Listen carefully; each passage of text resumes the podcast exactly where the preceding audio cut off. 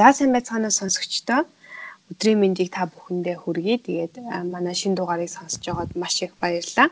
За энэ удаагийн дугаартаа болохоор би одоо ээжүүд маань гэртээ хүүхдээ хараад сууж байгаа ээжүүд маань сэтгэл зүгээ яаж тогтвортой байлгах вэ? Сэтгэл зүгээ яаж шинжаах вэ гэсэн нэг зөр бол ярилцах гэж байгаа. Тэгээд за тэгээд энэ сэдвийн хүрээнд болохоор сэтгэл зүйч хонгор зултай бид нэр ярилцах гэж байна. Тэгэхээр зочин маань манай сонсогчдод өөрийгөө илүү дэлгэрэнгүй танилцуулж өгөөч. Аа.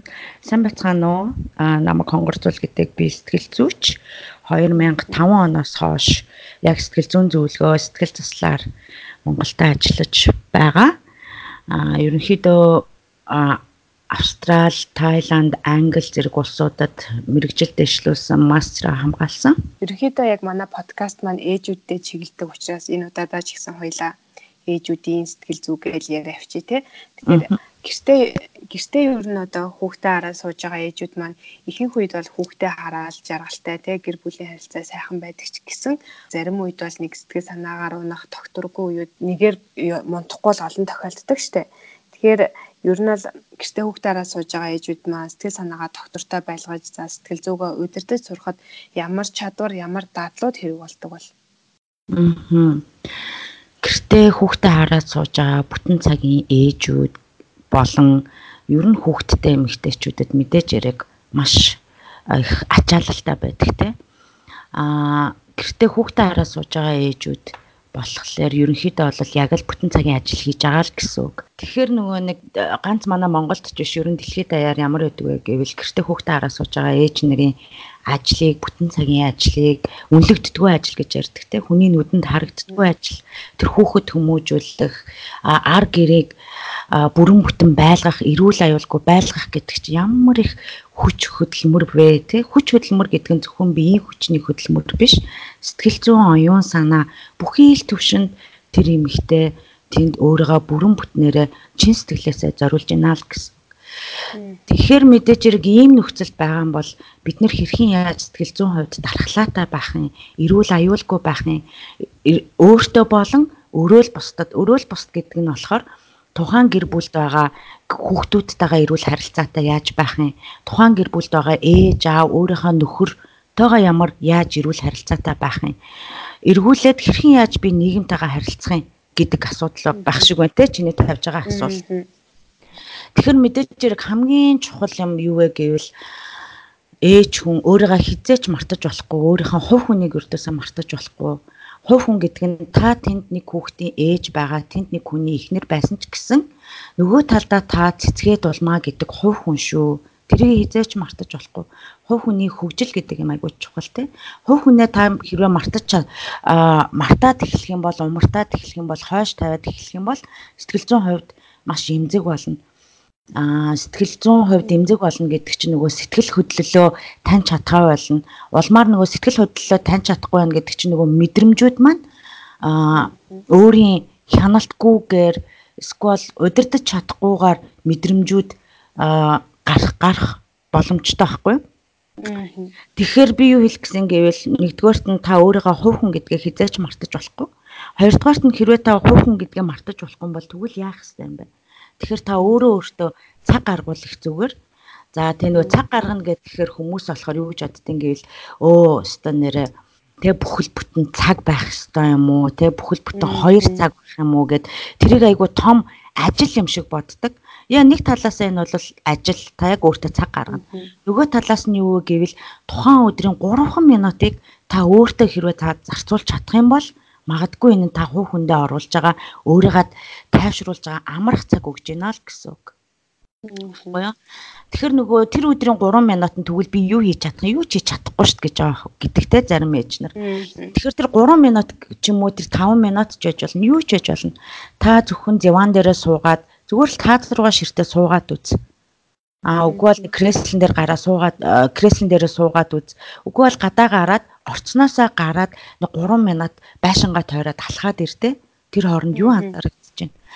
Тухайн тэгэх мөчтөө зөвхөн оюун санаагаа одоо одоо дээр одоо цаг дээр байлгах гэж оролдох хэрэгтэй гэсэн үг. Тэр нь юу гэсэн үг вэ гэвэл оюун санаагаа хэрвээ одоо цаг дээр байлгах юм бол таны нөгөө махан бие махбодын мэдрэхүүн маань одоо цаг дээр байх хэрэгтэй болно. Тэгэхээр нөгөө агаар Тэ одоо энэ салхи агаар таны хазар дээр таны арсан дээр яаж мэдрэгдэж байна гэдгийг анзаарах нь. Миний энэ хөлн дор байгаа газар энэ шал тэгвэл надад яаж мэдрэгдэж байна гэдгийг бас анзаарах те. Тэгэхээр бие махбодын төвшөнд одоо цаг дээр байх нь оюун санааны хувьд одоо цаг дээр байх нь улмаар хэрвээ энэ хоёрыг одоо цаг дээр байлгаж чадах юм бол зүрх сэтгэл маань одоо цаг дээр байлгах нь байж чадах байх нэ. Тэгэхээр нөгөө ямар мэдрэмж яаж төрөх вэ гэдэг чинь тухайн нөхцөл байдлаас шалтгаална шүү дээ. Тэгэхээр түрүүний нөгөө чиний асуулт болохоор яаж би өөртөө цаг гаргаж тэ сэтгэл зүгөө удирдах сурах вэ гэж тэгсэн шүү дээ. Тэгэхээр нэгдүгээрт нь түрүүний хэлснээр хувь хүн дээр хувь хүн гэдгээ хизээч мартаж болохгүй юм байна. Хоёрдугаарт нь хувь хүндээ цаг гаргах юм байна. Аа тэгээ цаг гаргаад одоо цаг дээр байх юм байна. За тэгэхээр та бас яг хэлсэн сая нөгөө гэр бүлийн хувьд, нийгмийн хувьд, найз нөхдийн хувьд бас тухайн хүндээ яаж тусалж дэмжиж болох вэ? Тэртлийг бас анхаарч авах хэрэгтэй гэдэг. Тэгэхээр яг гэр бүлийн хувьд нэгнээс тэгэхээр унсан үед одоо нөгөө тал нь яаж тусалж дэмжиж яах юм ялангуяа за ээжүүд гэж ярьж байгаа учраас нөхрөөд их нэртэй ямар тусламж үзүүлж болох вэ? Аа тусламж гэх юм бол нэг хамгийн чухал юм хамгийн амархан ч юм байж магадгүй гэхдээ хамгийн хэцүү ч зүйл байж магадгүй сонсох. Ямар ч шүүмжгүйгээр сонсох. Юу ч хэлж ирсэн бай зүгээр сонсох те. Тэгээ тэр сонсох гэдэг маань болохоор та юу ойлгож гин гэсэн үг биш. Та зүгээр юуг сонсож сонсож байна вэ гэсэн үг баггүй юу? Яг чи бит хоёрын одооны энэ яриа шиг л гэсэн үг. Чи бит хоёр харилцан сонсоод ойлгосон дээрээ үндэслээд нэг нь асуулт тавьж ийн нөгөөх нь хариулж ин гэдэг шиг зөвхөн ихлээр сонсох хэрэгтэй. Сонссныхаа дараа ойлгох хэрэгтэй тий. Тэгээ нөө ойлгон гэдэг юм чинь мэдээж хэрэг тухайн нөхрийн хувьд тухайн гэр бүлд амьдарч байгаа хамтран амьдарч байгаа хүмүүсийн хувьд болохоор өөрийн туулсан амьдралын туршлага үнэцүүл ихтгэл үнэмшлэр л бид нар сонсдог л доо. Тэгээд өөрийнхөө үзэл бодлоо нөгөө тулах гэдэг байхгүй юу? Тэр тухай би ердөөсөө яриаггүй. Одоо бол та зөвхөн тухайн эмгтэн үзэл бодлыг тухайн зүйлийг ингээд 100% байгаагаар нь л сонсоодох гэж байгаа. Тэгчээд дараа та өөрийнхөө би ингэж сонссон зөв үү гэд асуухаар нөгөөтг чинь зөв бол зөв гэж хэлнэ буруу болвол чи тэгээд намайг буруу ойлгоцсон байна. Ихэнх тохиолдолд нөгөө харилцааны үйл ойлголцлууд хүн дандаа өөрөөрөө ойлгочоод тэр ойлгосон юм а тулах гэдэг байхгүй юу? Тэгэхээр хамгийн нэгдүгээр юм болохоор сонсох. Гэхдээ энэ бол яг мэрэгжлийн тусламжгүйгээр ч юм уу яг ингэж хийхэд хэцүүлтэй. Гэхдээ яг оролдоод зүгээр л ах. Ааха найз нөхдийн хувьд бас одоо найз нөхөд гэлтгүй ажил төрлийнхэн ч юм уу шинэ хүн гарч ирэнгүүт нэг сарын дараа ирдэг те аа тэгээд нэг тэгэнгүүт ингээл дөнгөж төрсэн ээж маань хүүхдээ ч ингээл авмаар байдаг. Хажууд ингээл ирсэн зочтой ингээл хоол ундч бэлтмээр байдаг те тэгэл гэр орноо цэвэрлэгээ згсүүлэл ингээд нэг нэг талдаа нэг тийм нэг төвөг удаад байдаг штэ. Тэгэхээр одоо найз нөхдийн зүгээс заавал тэгэж одоо төвөг удах шаардлагагүйгээр яаж юу н тэр дөнгөж төрөөд гэртээ сууж байгаа найздаа тусалж дэмжлэг болох бол. Аа. Бид нэр хилдэгчтэй эхний нэг сар бол угаасаа очиж болохгүй тэр хүүхэд чинь нөгөө мянган бактерид нэр аваач нааж болохгүй те дөнгөж төрсэн тэр эмэгтэй хүүхэд хоёр бол их эмзэг байгаа. Тэгээ ялангуяа бид нар ямар орчинд амьдарч байгаа вэ те тэр мэрийгэ боцсон ч гэсэн тухайн айлыг хүндэтгээд бид нар бас эхний нэг сард очиж болохгүй. Аа за хэрвээ үнэхээр очимоор байд юм бол мэдээж хэрэг бид нар эхний 6 сард нь бол тухайн найзаагаа эргэдэг штэ тий. Эргэхдээ бид нар харин найздаа бид нар тусалж болно. Тэр нь магадгүй ирээд нэг гэрийн цэвэрлээд өгдөг ч юм уу тий. Аяг тавгийн угаадаг ч юм. Хүүхдийн бариад өгдөг ч юм уу. Хүүхдийн унтуулаад өгдөг ч юм уу тий. Аа янз бүрийн л тусламжууд байдаг. Аа гэртээ хүүхдээ хараа сууж байгаа зарим ээж нэр ерөнхийдөө их уйдсан байдаг л та. Тэг хүүхдтэй оруулахна гэртээ байгаа сквал гуруулахна тэг гэртээ байгаа сквал хүүхдүүдээ нааш цааш нь зөөгөөд өөр нийгмийн амьдралд оролцоогүй болохоор уйдсан гэж хэлэхээр бас хүчтэй сонсогдчихэж магадгүй гэхдээ ганцаарцсан байдаг. Тэгэхээр та найзтай очих байгаа бол жоохон цоглог хөгжилтэй тий байх. Үүнийхээ хажуугаар хамгийн гол нь бие махбодын хувьд тусламж үзүүлээч. Заавалчгүй хоол идүүлээл ингээл хүндэтлүүлээд байхаасаа гадна тухайн аймагтад хамгийн том тусламж юу вэ гэвэл түрүүний миний хэлснээр хоолыг хийгээд өгөх, хүүхдийнх нь хувцсыг угаагаад өгөх, тэг хүүхдийг унтуулад өгөх. Жишээлх юм бол манай найзууд яадаг байсан бэ гэвэл аа манад ирээд манай хүүг унтуулад өгдөг байсан. Ирээд 30 минут болоод гардаг. Тэгэхдээ миний хүүг нэг жоох ингээ бариад өгдөг байсан. Тэгээ надад тэр үед айгүй юм том тусламж юм шиг санагддаг байсан л да. Өдрийн цагаар ирээл яг манай хүүгийн унтлагын цагаар ирээл хүүхд унтуулад өгнө. Хажуугаар нь би ороод унтчин ч юм уу те. Сквал ирээл хоол хийгээд өгдөг ч юм уу. Нэг тиймэрхүү байсан оройн цагаар бас те ирээл хүүхд унтуулад өгдөг ч юм уу. Тэр айгүй том тусламж байсан. Эргүүлээд би болохоор бас найзуудтай яадаг байсан бэ гэвэл дөнгөж төрсэн найзуудынхаа гэрт нь очиод те хүүхд нь мэдээж ирэн ялах биш л те. Нэг 3 сараас ч бас бид нь найзуудтайгаа очиод бас яг адилхан тим юм хийдэг байсан гэрээр нь очиод те. Тэгээд гой гой юм яриад ер нь ажиллаар юу болж гин? Хорвоо ертөнцөөр ямар шин сони юм би дууж мэдэв сонсов те. Гол нөгөө шин мэдлэг, шин чадвараа бас найзтайгаа хуваалцах, тэдний санал бодлыг бас солилцох гэдэг чинь бас тухайн гэртээ сууж байгаа эмэгтэй айгүй гоё тийм мэдрэмж төрүүлдэг. Нөгөө сэргээх мэдрэмж төрүүлдэг байхгүй юу? Ээжүүд маань өөрийгөө ингээд илэрхийлээд ярьж чаддаг хүмүүс байна те. Өөрийгөө илэрхийлж сураагүй ч юм уу одоо яг ингээд сэтгэл санаа нь болохгүй байгаа юмнээсээ яг юу нь болохгүй байгаа яг ямар асуудал тулгараад байгаа гэдгээ гээд мэдтгүү ч юм уу те тиймэрхүү хүмүүс байдаг штэ. Тийм тохиолдолд ер нь яаж ингэж одоо асуудлынхаа мөн чанарыг олдог ч юм уу эсвэл өөрийгөө илэрхийлэхэд ч юм уу яаж ер нь энэ одоо асуудлыг давж гарах вэ? Хамгийн анхан шатны зүйл бол энэ жоохон хэцүү сонсогдож магадгүй. Гэхдээ уг нь бол хамгийн амархан зүйл хамгийн анхан шатны зүйл бол өөрөө өөртөөгөө ярилцах өөрөө өөртөөгөө ярина гэхээр зүгээр ингээд тархин дотроо бодоод бодох биш амаараа ингээд бувтнаж ярих гэсэн үг чанга дугаар сонсогдвол хэрвээ ичээд байгаа бол гэртээ ганцаархнаа байгаа үедээ эсвэл жорлондоо юм уу усанд орж явах үедээ тэр бодлуудаа чангаар ингээд хэлэхэр хүнтэй ярьж байгаа юм шиг ярилцахаар тухайн асуудлыг чинь нөгөө өөрөө өөрийгөө хүнлэнгөөс харж сурч ин гэсэн үг байхгүй юу. Тэгэхээр нөгөө асуудлыг чинь гол гаргалгаа нь гарч ирнэ. Хэрвээ өөрөө өөртөө ярьж чадахгүй ингээд амнаа амаараа бутанж ярьж чадахгүй бол цаасан дээр бичээд үз. Яг ингээд зураглал гаргадаг штэ тий. За асуудал өнөөдөр би тийм асуудалтай байлаа гэвэл таны тархинд яг тэр мөчөд ямар ямар бодлууд орж ирж байгаагаа зүгээр шууд ингээд сараачаад бич. Тэрэн заавалчгүй утгатай байх албагүй. Утгагүй байсан ч гэсэн дараа нь тэр утга учиртай болох байхгүй юу? Тэгэхээр цаасан дээр ингээд бичээд үз. Цаасан дээр ингээд бичээд үзэхээр чинь ерөнхийн нөгөө бодлоод ингээд цэгцрээд ирнэ гэсэн үг. Аа нэр ийм байна. Тэгчээ дараа нь би ингэж бодсон юм байна. Уг нь бол уг үйл явдал чинь яг л ийм байсан юм байна штэ гэдэг ч юм уу.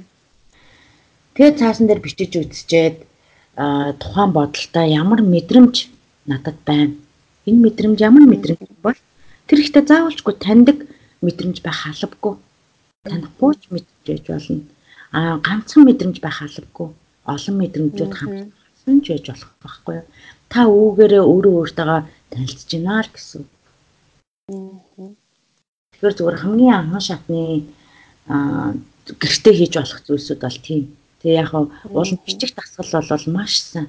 Бичгээр нөгөө хүний оюун санаанаас гарч байгаа юм ингээд илүү бодлыг илүү зэгцтэй болгодог байхгүй юу.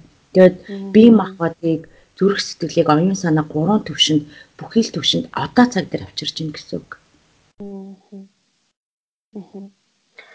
Манай ээжүүд за ялгаагүй би ч гэсэн тэгэж боддог байсан л да. Ийм юм хиймээр байна, тийм юм хийж үзхийнсэн гэж бодсон хэрнээсээ за за гэртээ хөлтөө хараа сууж байгаа юм чинь чамчихгүй дээ, би чи чадахгүй дээ гэж нэг тийм бодол төрдөг штэ. Тэгээд ингээд хүүхдтэй гэдгээр одоо өөрийнхөө боломж бололцоог ингээд хязгаарлаад идэг. Гэтэл ингээд нөгөө 2 3 ч юм уу түүнээс олон хүүхдтэй ээж нарыг харахаар бүр илүү олон юм ингээд амжуулаад сурцсан. Тэгээ бүр тэр нэг амьдралынхаа дадал болцоо харагдаад идэг. Тэгэхээр яг энэ хоёроос ингээ хүүхдээ гэртээ араа сууж байгаа хоёроос нь 3 жилийг өөртөө яаж ингээд ашиглаж сурах уу? Өөрийнхөө өөрийнхөө төлөө те бас хүүхдийнхаа төлөө ингээд карьераа дэвшлүүлдэг ч юм уу? Одоо одоо хүний хөгжлөө хөгжилтэй анхаардаг ч юм уу те? Юу ч хийж болно. Яаж энэ цаг хугацааг өөртөө зөвхөн ингээ хүүхдээ харж байгаа шүү? Гэж сэтгэл санаагаар унах биш. Өөртөө ашигтайгаар эргүүлж болох байна. Тэрэнд мэдээж сэтгэл зүгээ яаж бэлэн байх вэ гэж асуул зүг бах те. Хамгийн гол нь тухайн бодож байгаа зүйлээ за за би хийж чадахгүй байна гэд те. Тэр зүйлээ маш том гэж юусоо бодох шаардлагагүй. Хэтрүүлэн боддог байхгүй ихвчлэн бид нэр за за би хүүхдээ харж байгаа юм чи би чадахгүй надад цаг байхгүй тэхийн тулд надад тийм тийм юм хэрэгтэй надад тэрэн чалга гэд нэгдүгээр хэтрүүлэн боддог хоёрдугаарт аа ерөөс боломжгүй мэт боддог байхгүй юу. Гэтэл яг ингээ хэлэхэд тэр үнэхээр тань том санагдаад байгаа бол тэрийгээ тэгвэл баг багаар жижиг жижигээр эхлэлтэй. Түрүүн би ярааныхаа ихэнд хэлсэн 3 минут.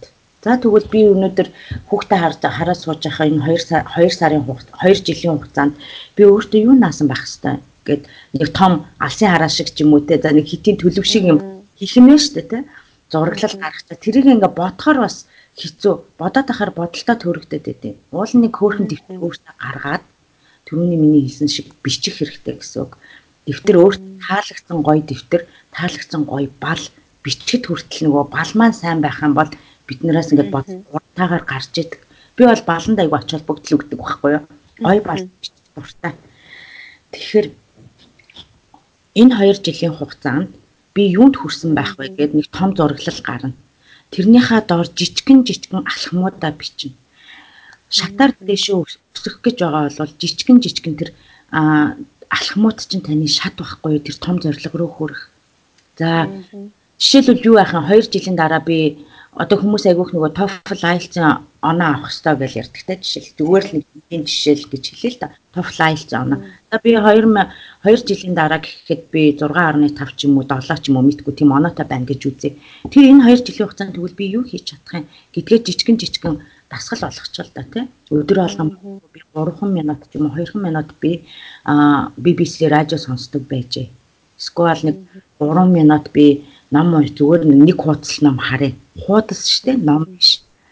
Аюу жижиг юм мар эхлэх хэрэгтэй. Тэгэхгүй болохоор хит том юмыг тархиндаа ингээд бодчоо тэр нэг тархинд бодгцсан юм айгүй юм нүсэр харагдаад улам айлгаад байна. Тэгэхээр жижиглэх хэрэгтэй, алхам алхмаар байх хэрэгтэй. А тэгэд алхам алхмаар хийснийхаа дараа өөрийгөө байн гурамшуулж явах хэрэгтэй эхний эхний хугацаанд. Өнөөдөр би өөртөө 3 минут гаргаад радио юм уу подкаст сонссон бол өөрийгөө оромшуулад өө би өнөөдөр хийж чадлаа шүү сайн байна гэд өөртөө хэлж чаддаг. Тэ өөрийгөө боддог байх хэрэгтэй. За би ингэсэн юм одоо инглишээ дараагийн удаа би тэгвэл энийг сарын дараа би 3 минутад тэгвэл 5 минут болгочих л та. Магадгүй нөгөө хүмүүс 3 минут 5 минут гэхээр ёо ямар инээдтэй юм л гэж бод. Ичгэн бахтай яа дээ л гэж бодох байх л та. Яг цагаад болохоор тэр 3 минут тэр 5 минут чи ямар их хүч хөдөлмөрөөр бий болдог гэж бодно. Аа. Тэгэхээр ерөөсө багаас нь л эхлэх хэрэгтэй. Жижигэн жижигэн алхмаар ингээд урагшлан тэр олон жижигхэн юмнууд чинь нэг том бүхэл зүйл болно л гэж харуул болон зүгээр. Ааха. За та бас яг өөрөө ээж хүн тэгэхээр өөрийнхөө дуршлагаас хуваалцвал одоо сэтгэл зүйдээ яаж анхаардаг вэ? Өөрийнхөө аргуудаас ч юм уу сонирхолтой одоо сургамж болсон туршлагуудаас хаваалцаач. Аа. Миний хувьд гэвэл түрүүн би хэлсэн манай найзууд айгүйх над манахаар ирдэг. Манай гэрийнхэн бас айгүйх тусалдаг. Мэдээж хэрэг би ар гэрийн тусламжгүйгээр бол ганцаараа бол ихтэй би амжихгүй байх гэсэн баг. За амжих л байх л та. Гэхдээ л ерөнхийдөө бол илүү амархан болгож байгаа юм л та. Дээрэс нь би болохоор ном уншдаг, Тэгээд ерөнхийдөө нөгөө зураг зурдаг бодлуудаа би ерөнхийдөө бичдэг тэ дэвтэр дээр өөрийнхөө дуртай төрөн би дэвтэр гэж ярьсан тэ тэр дэвтрээ бол дэвтэр дээр өөрийнхөө төлөвлөгөөнүүдээ бичдэг хийж чадсан зүйл хийж чадаагүй зүйл юуг нь би чадсан юуны улмаас ямар дэмжлэгтэйгээр би хийж чадсан ямар дэмжлэгнүүд надад илүү их тус болсон ямар чадварууд суусан ямар чадваруудыг суулгаж чадаагүй юм гэдгээ би яг тэмдэгтэр дээр ингээд бичдэг он оноор нь. Тэгэхээр надад ерөнхийдөө зураглал олж өгдөг байхгүй юу. Энийг би яг ялангуяа хүүхдэд төрүүлснээс хойш илүү бүр жил болгон хийдэг болсон. Аа тэгээд номоо уншин, зураг зурна, тэгээд Instagram дээр ерөнхийдөө бол би нөгөө зураг зураг авахаас их дуртай, зураг авахтаа хөвчлэн байгалийн зураг авах дуртай. Гэхдээ мэдээж мэрэгжлийн төвшөнд биш Гэхдээ би бол өөрөө юу гэж боддог вэ? Мэргэжлийн төвшөнд бол байх албагүй. Би тийм байх албагүй. Өөрөө өөртөө би тэр юм кайфтаад тэр зургийг олон нийт татаад тий аа энд нэг ийм юм болж шүү гэдгийг түгээх дуртай. Дээрэс нь бас миний нэг хийж чад одоо ер нь чаддаг зүйл гэх юм уу та а шинээр мэдсэн сурсан зүйлсээ би аль болох олон хүмүүстэй хуваалцахыг хүсдэг. Тэрнээсээ өөртөө урам авдаг а энэ мэдлэг гэдэг юм чинь мэдээлэл гэдэг юм зөвхөн хонгор цол гэдэг хүн дээр ирээд гацчих ёсгүй. А гацчихвал бол тэнд хөгжил твшил бол хамтын хөгжил твшил тэнд явагдахгүй гэж боддог учраас шинээр төр сурсан зүйлсээ би баян бусадтай хуваалцдаг, найзуудтайгаа ажлынхаа хамт олонтой улмаар би олон нийттэй хуваалцахыг хүсдэг. Энэ бол энийг би баян хийдэг гэсэн үг шинээр мэрэгжлийн хувьд би шинээр суралцсан зүйлээсээ хуваалцдаг хувь хүн дээрээ ч гэсэн шинээр сурсан мэдсэн мэдлэг мэдээлэлээ би дандаа бусдад хаваалцдаг. Тэгжээж бас нөгөө бусдаас харилцан суралцдаг байхгүй юу? Гэр бүлийн хувьд одоо ямар нэгэн асуудал гарлаа гэхээр эмэгтэйчүүд нь ярилцах гад идэг ч юм уу. Эрэгтэйчүүд нь болохоор ингээл нэг сонь зүхтаагаал нэг тэгээд идэг штэ. Ер нь тиймэрхүү ажиглагдаад идэг. Тэгэхээр хосоод хоорондоо яг яаж ярил цөл зүгээр эдийн гэр бүл хосын харилцааныхаа яг одоо нэг тийм чухал асуудлууд байдаг штэ. Тэрийг одоо хизээ ямар үед ч гэдэг юм уу яаж яриагаа эхлүүлвэл зүгээр үү гэдэг юм. Энэ тал дээр та зөвлөгөө өгөөч. Тэгэхээр мэдээж нь нөгөө нэг юунаас эхлэх вэ гэвэл нөгөө сэтгэл зүйн боловсрал тэг сэтгэл зүйн боловсрал маш тутмаг байгаа юм. Бид нэр хөвгүүд ирчүүдээ хэрхэн яаж хүмүүжилд хүмүүжүүлдэг вэ гэдгээс бас эхэлж байгаа юм. Яагаад ирчүүд маань бид нартай ярилцдаггүй юм? Тэгэл таг дугаа олцдог те юм асуудал ярих гэхээр чив чимээгүй болцдог үгүй болвол нэг дүрсхий жуурлал яачдаг. Зарим нөхөд болохоор согтуудаа ярилцдаг гих мэтчлэн те тэгэхээр энэ бол эмгтээчүүдийн уг нь бол асуудал биш харин гэр бүл эр нөхөр аа болоод ороод ирсэн тэр эр хүн хариуцлагатай байх асуудал юм энэ бол хариуцлага юм та тэнд аав байгаад хүний ер нөхөр байгаад энэ гэр бүлтэй хамтдаа урагшлана гэж байгаа бол та хариуцлагатай байхын үүднээс хариуцлагын чинь нэг хэсэг нь юу вэ гэвэл хамтран ярилцдаг, ойлголцдог байх хэвээр. Тэрийг тэр хүн мэддэг байх хэвээр. За хэрвээ мэдчих чадахгүй бол яаж эхлүүлэх юм бэ гэж чи тэгж ах шүү шүү дээ. Аа зарим гэр бүлүүд бол ингэдэг нөгөө а ирчүүд чинь ийм нүүр тус юм айж үздэг юм шиг байгаа зарим ирчүүд те айдаг тэр нэг том хар ангал байдаг юм шиг яач бол гэж боддог юм шиг гэтлөхөөр хэмээн уулан зүгээр л нэг ярилцлага байх байсан юм л да. Тэгэхээр нөгөө ширээний асуугаад ярьж чаддггүй ихэнх нь би бүгдээрээ гэж байгаа а хэрвээ тийм юм бол оройн хоол хамт хийж явахтай ярилцлаа төмсөн арилгахтаа би нэрээ нэг тэрийг тих гэсэнсэн тэгвэл яах вэ? Чи юу гэж бодож байна? Төмсөө арилгаж явах та. Сонгоноо хэрчиж явах бууцаа чимэгч явах та. Айгүй ингийн машина жолоодж явах та. Машинд явж явах та. Нөгөө талаас юу вэ гэвэл ингэж ярилцж явах та. Заавалчгүй төгс хариултыг та битэх хүс төгс хариулт байх шаардлагагүй гэсэн үг төгс хариулт байх шаардлагагүй зүгээр энэ эхний шатанд бол зүгээр л ярилцаал за ийм байна, ийм байна. Энийг дараагийн удаа бас дахиад үргэлжлүүлж болох л байхгүй юу? Нөгөө талаас юу гэвэл бас удаан байх албагүй. Цаг 2 цагаар үргэлжлэх шаардлагагүй. 5 минут чанартай ярилцлаа. Окей. Гэхдээ бас энийг анхан шатны юунд яаж хийвэл зүгээр вэ гэвэл бас мэрэгчлийн тусламж авч болуулан зүгээр сэтгэл зүйчтэй хосын сэтгэл хосын сэтгэл зүйн зөвлөгөө аваад тэгэхээр тэн дээр ч яг хангаад өгдөг байхгүй юу хэрхэн яаж сонсхын эрүүлэр сонсхын Тэгээ яаж ярилцсан гэдгийг чинь тэр сэтгэл зүйн зөвлөгөөгөөрөө хамтдаа ярилцаад эхний нэг үедээ тэгчүүл болно. Тэгэл цаашдаа зүгээр явчих юм дөө. Аа. Таны хувьд бол яг урлагийн сэтгэл засалчаар ажиллаж исэн туршлагатай байгаа тий. Тэгэхээр урлагийн сэтгэл засал гэж яг юу гээ? Тэгээ бусад сэтгэл заслын аргуудаас ямар ялгаатай, ямар онцлогтой юм бол? Аа. Урлагийн сэтгэл засал дотроо маш олон төрөлтэй тий хөгжин жүжигчлэх тэг гихтчлэн би болохоор яг нөгөө зурган засал зурган зургаар сэтгэл заслаар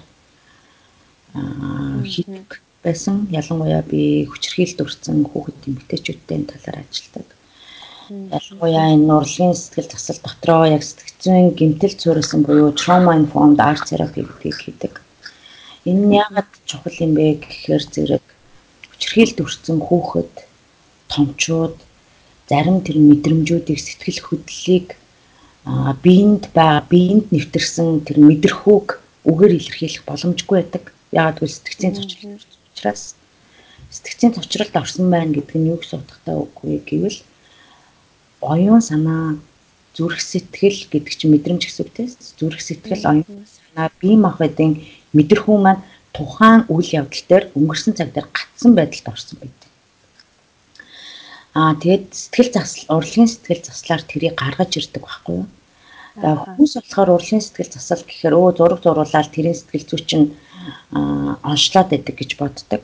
Үгүй яг эсрэгээр тэрнийхээ эсрэгээр үйлчлүүлэгч маань тухайн сэдвийн тухайн өдрийн ярилцж байгаа сэдвийн дагуу зураг зурлаа. А тэрийг тайлбарлахдаа үйлчлүүлэгч өөрөө тайлбарладаг. Тэгэхээр өөрөө тайлбарлаж байгаагаараа тухайн үйл явдлыг гадагшлуулж ин гэсэн үг тухайн үйл явдалд утга учир өгж гин гэсэн үг ил болмаар лаарших процессын эхлэл тэнд тавигдж байна гэсэн үг. Тэгэхээр урлагийн сэтгэл засал бусдаар юугаар ялгаатай вэ гэвэл энэ дээр заавалчгүй үгээр илэрхийлэх халбгүй юм ярилцах шаардлагагүй зураг зураал тэрүүгээрээ тайвширч ин гэсэн үг би түрүүнээс хойш зөндөө олон удаа нөгөө үзэг баал харандаа дэвтэрний харилцааны тухай ярилцсан шүү дээ. Гол юм болохгүй юу? Энэ арсан дээр тэр балын харандаа, тэр будган харандаа, будгийн харандаа тэр цаас яаж мэдрэгдэж байна энэ арсан дээр. Улмаар миний энэ гар оюун санаагаар дамжуулан миний энэ гар цаасан дээр яаж тэр дүрсийг бий болгож чинь гэдэг тэр харилцаа. Тэр харилцаагаа улмаар би яаж энэ хүнд тайлбарлаж ярих вэ? Тайлбарлахгүй ч яж болно. Гэхдээ хамгийн гол нь тэр цаг мөчид тэр бүтээлийг бүтээж байгаа нь тухайн үйлчлүүлэгчийн туусан амьдралын туршлага байхгүй юу? Тэр урлагийн сэтгэл засал тэр дундаа сэтгцийн цочрол суурилсан сэтгэл засал тэрүүгээрээ онцлогтой байдаг. Аа. Та охинтой хамтраад бас хүүхдийн номын талаар влог хийдэг штеп. Тэгэхээр яг хүүхдийн номыг сонгохдоо юун дээр анхаарах уу? Хүүхдтэй тохируул сонгох нь бас их чухал ах тий. Энэ талаар та бас өөрийнхөө влогийн талаар бас манай уншигчдад сонирхуулаач. Аа. За би болохоор нөгөө нэг Instagram дээр бэлгүүн books гэдэг хүүгийнхаа номнуудын талаар влог хийж эхэлсэн. Тэр нь болохоор юу вэ? Онцлог нь юу вэ гэвэл би мэдээж хэрэг бүх хүүхдийн бүх насны хүүхдийн талаар бол хийх боломжгүй. Манай хүүхд 5 настай. Тэгэхээр би 0-аас 5 настай хүүхдийн номын тухай юу влог хийдэг. Тэр нь болохоор зөвхөн би хувийн туршлагаасаа л хуваалцаж байгаа гэсэн үг. Хүүхдийн ном юун дээр анхаарах юм? Гадуур ерөнхийдөө манай Монголд олон гадуур те гадаад орнуудад ямар ямар номнууд байдгийг хүүхдийн танин мэдхүү хүрээлэн буй орчин өөрөө өөрийгөө болон өөрөө л бусдад хэрхэн яаж зохицох, суралцах, хөгжих тийм номнууд байдгийг гэх мэтчлэн нөгөө хүүхдийнхээ номнуудаас л би танилцуулдаг. Хувийн л туршлага юм л да. Тэгэхээр нэг хүүхдийн номыг анхаарахтаа мэдээж яг хамгийн чухал зүйл юу вэ гэвэл зураг, зураг, зохиол, цаас, будаг. Зарим монгол номон дээр одоо бичдэг болсон бэлээ. Ямар ямар цаасан дээр тийм. Энэ чинь нөгөө стандарт гэж байгаа шүү дээ. Хүүхдэд зориулсан хоргоо ямар юугаар хийсэн те ямар ямар бодисууд орсон ямар цаасын байгаль дээлтэй цаасаар хийсэн юм уу? Дахин боловсруулсан цаасаар хийсэн юм уу? Ямар будгийн те цаасны нөгөө стандарт гэж байдаг. Тэрийг бол хийсэн байдаг. Зарим номнууд тийм мэдээлэлч байдаг юм байна гадаад англи америк эднэрийн номнууд бол бүгдээрээ тэр мэдээлэлүүд нь байж идэг Дээрээс нь би бас publishing house буюу хэвлэлийн газрууд илүү анхаардаг ямар хэвлэлийн газраас гаргасан бэ гэд тэ. Гэх мэтчлэн тэгээд зураг, зургийн өнгө ер нь ямар байна. Тэгээд дээрэс нь мэдээж хэрэг мессеж доторх энэ ном маань ямар агуулгыг энэ хүүхдэд өгөх гэж юм жишээлх юм бол 12 хүртэлх сартай тий ой хүртэлх насны хүүхдэд зориулсан ном байлаа гэхэд ямар байх юм. За нэгээс дээш насны хүүхдийн ямар ахын 3-аас дээш насны хүүхдийн ямар ахын 4-өөс 5 настай сургуулийн өмнөх насны хүүхдүүдэд ямар зохиол байх юм? Ямар ном байх юм? Гэх мэтчлэн тэрийг илүү анхаардаг. За би яг одоо сэтгэл зүйн яг тийм доктортой байдал сэтгэл зүгээ хянах талаар ярьж байгаа учраас нэг сэдвийг бас хүндэхгүй чадахгүй юм л да. Тэгэхээр яг манай нийгмийн яг одоо үед гэх юм уу single mother, single father айгу олон болцсон шүү дээ тий. Тэгэхээр одоо яг ганц би ээж, ганц би аав байгаа хүмүүс нийгмээс ирж байгаа одоо нэг хүнд хүнд одоо юу ч гэдэг те хүмүүсийн үг яриа байна. Тэгэл хүмүүсийн одоо далтуур ярьдаг зүйлс гэл олон юм ингээд тэр эцэг эхчүүдэд айгүй хүнд тусдаг штэ. Тэгэхээр иймэрхүү гадны нөлөөллөөс яаж юу н өөрийгөө хамгаалах уу? Яаж одоо сэтгэл зүйдээ анхаарах уу? Аа. Яг үнэн тэгэхээр нөгөө ганц би ээж, ганц би яавууд аудад ирж байгаа нийгмийн нөлөөлөл ялангуяа сөрөм нөлөөлөл дэндүү хүчтэй байдаг. Би зүгээр тэр хүмүүст гэхээсээ илүү тэр нөлөөллийг бий болгож байгаа эргэн тойрныхын хүмүүст бас хандаж нэг мессеж хэлмээр байна л да. Та тэр хүмүүсийн амьдралаар амьдарч үзээгүй, тэр хүнтэй 24 цаг хамт байгаагүй. Та тэр хүний амьдралыг шүүх эрх танд өдөөсө байхгүй байхгүй юу? Тэр хүн тантай л адилхан бас л амьдралаа аваад явж байгаа хүн хүн болгоны амьдралын онцлог өөр өөр байдаг. Бидний бусдыг шүүх тэ шүүх шүүмжлэх эрх өрдөөсөө байхгүй. Харин ч тэр хүчийг ар гэрээ авч аваад хүүхдүүдэд өдөө зэрэгтэй байлгаж агаад нь бид нар талархах ёстой. Дээрэс нь бид нар тэр туслах дэмжих ёстой. За тусалж дэмжиж хэрвээ та чаддгүй бол шүүмжлэхээ, шүүхээ, ар өврөөр нь яриха болчих юм бол тэр чинь маш том дэмжлэг шүү, сэтгэл зүйн дэмжлэг шүү. Таны хамгийн хайртай дотны хин нэгэн чинь тийм байдалд өртсөн байна гэж та бод, тийм байдалтай байна гэж та боддоо. Ямар байх вэ? Тэгвэл та өөрөө байсан бол яах вэ гэдгээ бас бодох хэрэгтэй. Бид нар ямар нэг юм бодохдоо дандаа өөр дээрээ бодож бас дүгнэх хэрэгтэй л дээ. Би байсан бол яах байсан бэ? Хэрвээ тэх юм бол та шүмжилж чадах уу? Аа. За нэгдүгээрт нь тийм байгаа. Хоёрдугаарт нь чиний тавьсан асуулт болохоор бусдаас ирж байгаа тэр юунд хэрхэн яаж дархлаатай байх вэ гэд мэдээж хэрэг маш хэцүү дархлаатай бай гэж хэлэх эрхч надад үнэндээ бол байхгүй. Аа яг үл тоо те битгий сонс мос гэж гэж хэлэх айгүй амархан л та. Гэхдээ яг тэр дунд байгаа хүнд үл тоох бол үнэхээр хэцүү байдаг. Ялангуяа гэр бүлийнхнаас ирж байгаа хамгийн хайртай дотны найзуудаас чинь ирж байгаа тэр хандлага ямар хэцүү вэ те. Тэгэхээр зэрэг та бол энэ хорвоо ертөнцийн дээр өөрийнхөө л амьдарч байгаа хүн. Та бол өөрийн гэсэн өрнөд онцлогтой хүн та өөрөөсөө гарч байгаа хамгийн сайнаараа бүх чадах бүхнээ л хийж байгаа. Гэдгээл айгу хизээч мартаж болохгүй гэсэн үг л дээ. Та хамгийн сайнаараа байгаа тэнд өөрөөсөө гарах бүх юм хийж чадчихээн. Бусд хүмүүс таны амьдралаар амьдраагүй учраас тэр хүмүүс ярьж лэг. Тэглээгээд юу гэж хамгийн чухал юм бол та өөрөө өөртөө үнэнч байх нь л айгу чухал байхгүй юу? Та өөрөө өөртөө үнэнч байгаа л тэрний төлөө зүтгэж байгаа л чухал гэж л би бодож байна. Аа. За тэгэхээр танаас ерөнхийдөө асуух асуулт маань дуусчлаа. Тэгэхээр аа сүүлийн асуулт маань бас ээжүүдэд ээжүүдэд маань бас зөвлөгөө өөрийнхөө хэлье гэж бодсон эсвэл ярианы явцдаа марцсан зүйл байвал одоо хэлж өгөөрэй гэж хүсмээр байна. Аа би хамгийн ярианыхаа ихэнд эхлүүлснээр тэр үгээрээ л дуусгая да. Хөө та ээж болсноороо хин нэгэн хүний эхнэр болсноороо өөрийгөө хизээч битгий мартаарай. Өөрийгөө хизээч мартаж болохгүй. Таны өмнө нь байсан тэр амьдралын зорилго байна уу? Мөрөөдөл тэнд байгаа бол та тэрийг эргэж тойрч нэг тордоод нэг хараад нэг сонсоод үзээрэй. Та тэнд хувь хүнээ бол үрдээс алдаагүй. Хамгийн гол нь та өөрөө өөртөө жижигхэн ч болтгоо 3 минут ч болтгоо 2 минут ч болтгоо цаг гаргаад үзээрэй. Аа тэгээд дээрэс нь өөрөө өөртөө нэг ярилцаад үзээрэй. Өөрөө өөрийгөө та сонсоод үзээрэй. Таны зүрхэнд байгаа тэр бяцхан хүн юу ярьж байгаа бол тэрийг нэг ямар ч хүмжгүйгээр нэг сонсоод үзээрэй л гэж хэлээ да. Аа. За баярлалаа танд. Цаг гарган ярилцсанд маш их баярлалаа. Маш их баярлалаа.